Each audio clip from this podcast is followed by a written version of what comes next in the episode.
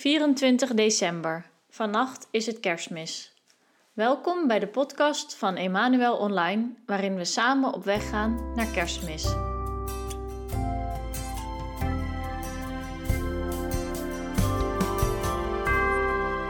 Na de herders komen de wijzen bij Maria, Jozef en Jezus op kraamvisite. De wijzen kwamen van ver.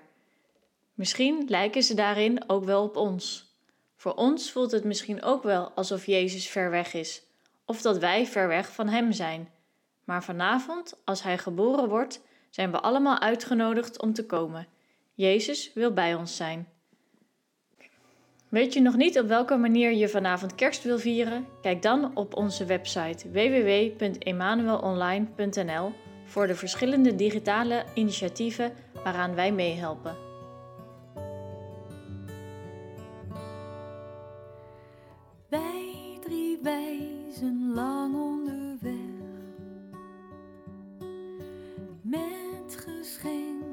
Komend van ver. Over bergen dwars door dalen volgen wij de ster. Bethlehem, geboortestad.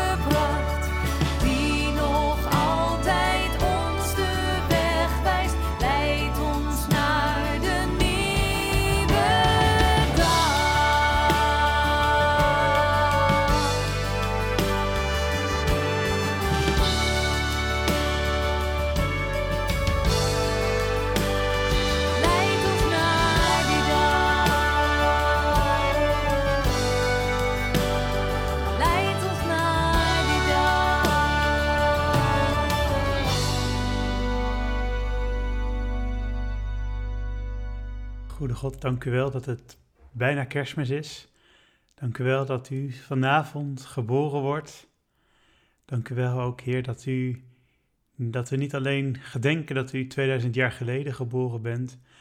Dank u wel, Heer, dat u vanavond in ons hart geboren wil worden. Dat u vanavond ook bij ieder van ons komt, bij ieder van ons thuis. Dank u wel dat u dicht bij ons bent. Dank u wel ook voor alle vreugde die dat ons geeft. En ik wil u bidden om vanavond bij ons te zijn, bij iedereen die verbonden is met ons via deze podcast. Ook bij alle mensen die het moeilijk hebben, de mensen die misschien alleen zijn, die misschien het afgelopen jaar een dierbare hebben moeten missen. Wilt u ook bij hen zijn? Wilt u ook bij hen de vrede en de vreugde van het kerstfeest brengen? Dank u wel, dat u voor ieder van ons komt.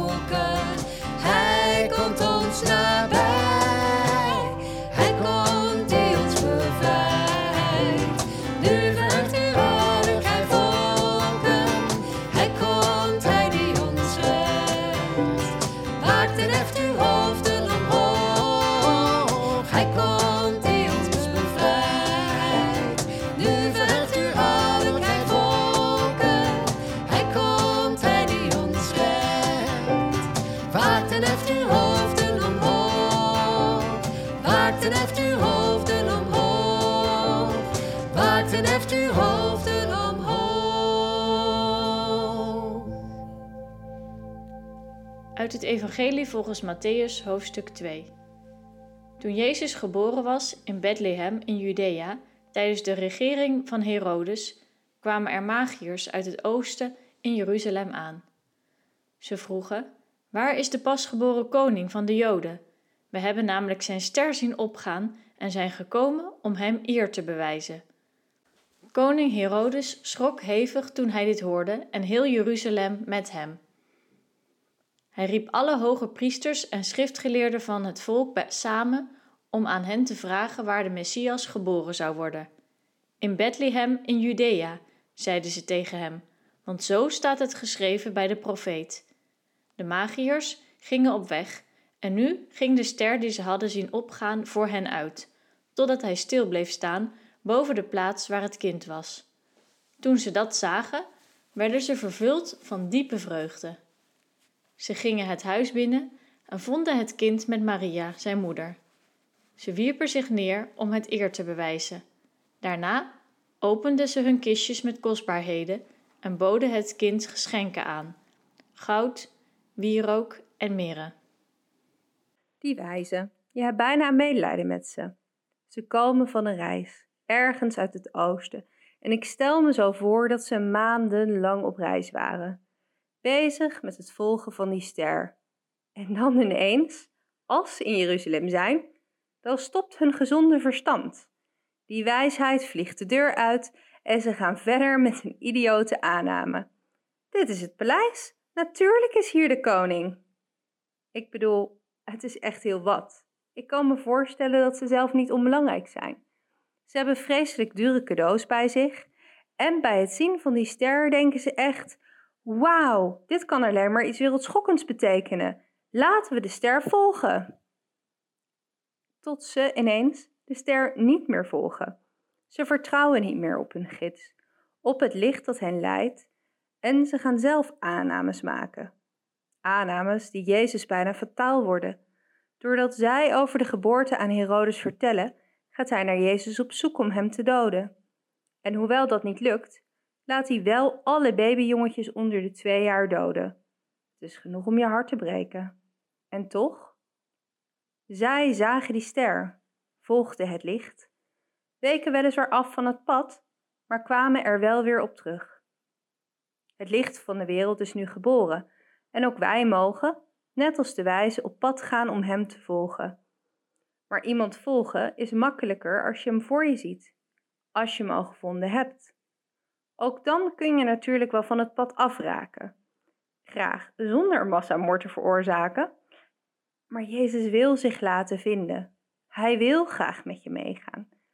Hij is het licht dat is gekomen, zodat iedereen die in hem gelooft niet in duisternis blijft. Gaat hij al voor je uit op je weg of moet je hem nog zoeken? Hoe het ook zij, hij is gekomen voor jou. Veni, veni,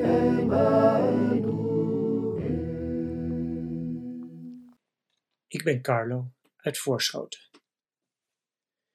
Wat is er gebeurd met het gouden geschenk van de drie koningen? De vraag werd mij deze week gesteld en verraste mij. Ik had me dat nooit afgevraagd. De wierook zal wel opgebrand zijn. En de mirre, dat is toch een soort olie? Daar zal het kindje Jezus wel mee zijn ingesmeerd. Maar het goud? Het antwoord wat ik ontving vervulde mij met vreugde, omdat het bevestigt hoe ik zelf ervaren heb dat onze God een zorgzame vader is. Dit jaar was voor mij en mijn gezin een heel moeilijk jaar. Kerstmis 2019 had ik niet kunnen vermoeden hoezeer 2020 ons zou beproeven. Maar als ik het afgelopen jaar aan mij voorbij laat gaan, word ik getroost door tekenen van Gods zorg voor mij en mijn dierbaren. Die zorg geeft mij vertrouwen voor de toekomst. Vertrouwen dat wat er komend jaar ook op ons pad komt, dat het goed zal komen. Maria en Jozef hebben die praktische zorg van God de Vader mogen ervaren op die avond in Bethlehem. Kort daarop zouden ze hals over kop moeten vluchten naar Egypte omdat Herodes hun kindje wilde doden. Een beproeving. Maar de zorgzame God gaf hun de middelen om die te doorstaan. Daar was het goud natuurlijk voor bedoeld, voor een veilig verblijf in een vreemd land. Dank u, Heer, voor uw voorzienigheid.